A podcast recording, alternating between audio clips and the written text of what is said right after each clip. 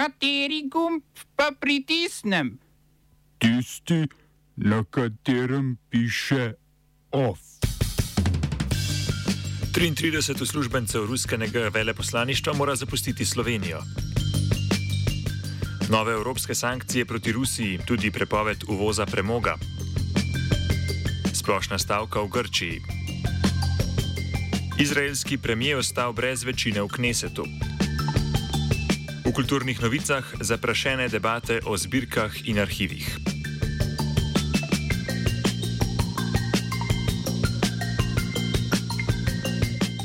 Pozdravljeni. Predsednica Evropske komisije Ursula von der Leyen je v Evropskem parlamentu napovedala peti svežen sankcij proti Rusiji, v katerem se komisija zauzema tudi za embargo na uvoz ruskega premoga. Novi svežen mora Unija po besedah predsednice komisije sprejeti, da bi povečala pritisk na Rusijo po dogodkih v Buči, ki jih je označila za vojnih zločin. S prepovedjo uvoza premoga naj bi Rusija izgubila 4 milijarde evrov letno, od ruskega premoga pa so odvisne predvsem termoelektrarne v Nemčiji in na Polskem. Poleg tega je von der Leyen napovedala dodatne sankcije proti ruskim bankam in prepoved vstopa ruskih ladij v pristanišča v Uniji. Svežen sankcij vključuje tudi prepoved izvoza kvantnih računalnikov in naprednih čipov v Rusijo, ter splošno prepoved sodelovanja ruskih podjetij pri javnih naročilih v državah Evropske unije. Von der Leyen in Josep Borrell se bosta sicer še ta teden srečala z ukrajinskim predsednikom Volodimirjem Zelenskim.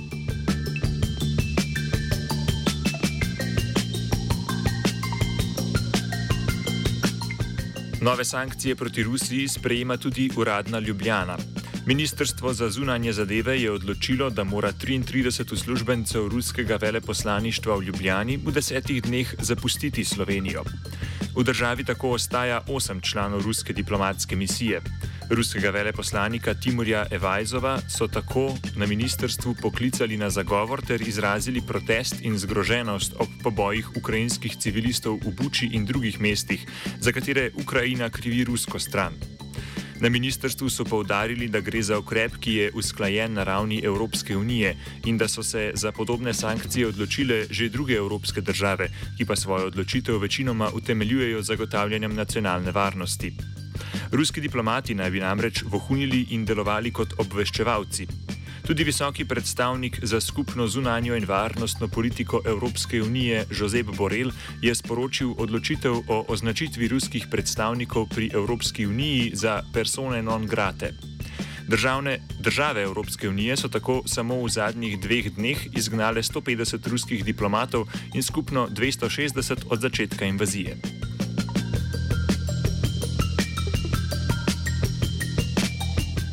V podporo Moldaviji, ki se zaradi vojne v sosednji Ukrajini sooča z ekonomsko in begunsko krizo, so se na kongresu platforme v podporo Moldaviji izbrale različne države in obljubile finančno pomoč v višini 700 milijonov evrov. Prejeti denar bo v obliki nepovratnih sredstev, posojil ali makrofinančne pomoči in bo usmerjen v kritične sektorje. Finančna pomoč je namenjena predvsem reševanju begunske krize, saj je v Moldaviji trenutno več kot 100 tisoč ukrajinskih beguncev. Nemčija, ki je bila ena od največjih donatork, si želi s tem pomagati Moldaviji, da bi postala manj odvisna od ruskih energentov.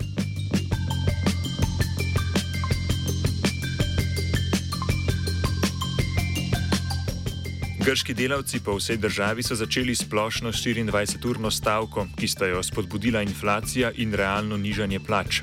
Stavko sta sklicali sindikalni centrali, ki skupaj predstavljata 2,5 milijona delavcev v javnem in zasebnem sektorju, pridružili sta se jim tudi drugi sindikati. Zahtevajo predvsem zvišanje minimalne plače za najmanj 13 odstotkov. Vlada je namreč januarja minimalno plačo uskladila le za 2 odstotka. Premijer Kirjakos Mitsotakis pa je za mesec maj obljubil občutnejše povišanje minimalnih plač. Delavci protestirajo tudi proti lani sprejeti reformi delovne zakonodaje, znani po ministru za delo Kostisu Hacidakisu. Za reformo je vlada fleksibilizirala delovni čas in omogočila lažje odpuščanje v zasebnem sektorju. Zaradi stavke bodo za 24 ur zaprte nekatere linije metroja v Atenah, obstali pa bodo tudi vlaki družbe Trenose in številni trajekti.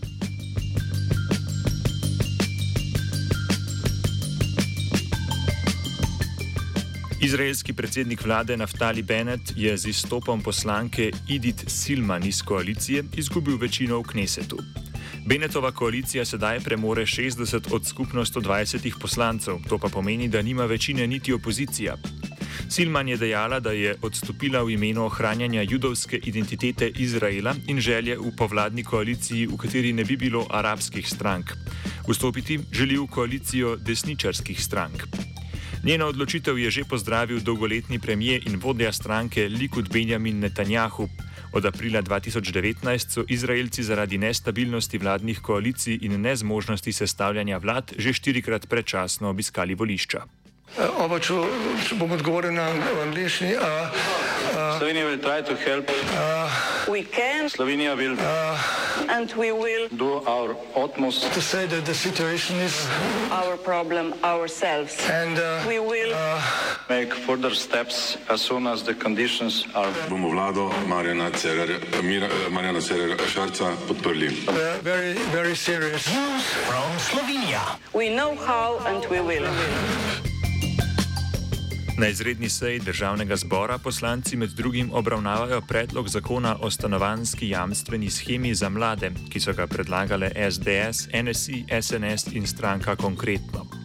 Po zakonu bi lahko država mlajšim od 38 let ob prvem iskanju stanovanja dala jamstvo za najem posojila pri bankah, če imajo sklenjeno delovno razmerje za določen ali nedoločen čas ali pa so člani mlade družine. Posojilo bi lahko znašalo največ 200 tisoč evrov, plača upravičencev do državnega poroštva pa bi lahko bila največ 1,5 krat višja od povprečne. V Zadrugatorjevem inštitutu za štipendije stanovanj in prostora predlogu zakona nasprotujejo, saj so prepričani, da bodo tako stanovanja za mlade še bolj nedostopna.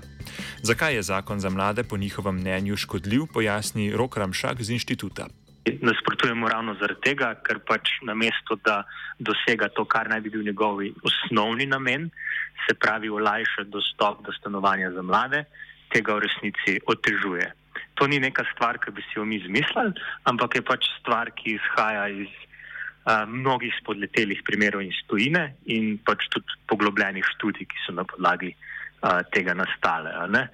Zdaj, mogoče kot najbolj nedavna, pa uh, nam blizu, je primer Hrvaške, kjer se zelo jasno kaže, da z trenutkom, ko se je začela podobna jamstvena oziroma uh, sistem subvencij uh, za stanovanske kredite ponujati strani države, je prišlo do dodatnega dviga cen, prišlo je do zmanjšanja poprečnih kvadratur stanovanj, prišlo je do poslabšanja same kvalitete gradnje, uh, nadaljno pa pač tudi prispevali potem k še bolj razpršeni gradni, uh, pa kot zdaj ugotavljajo v zadnjem času tudi do zelo nezaželenih obremenitev uh, državnega proračuna, ki pač niso bile v sklopu tega predvidene.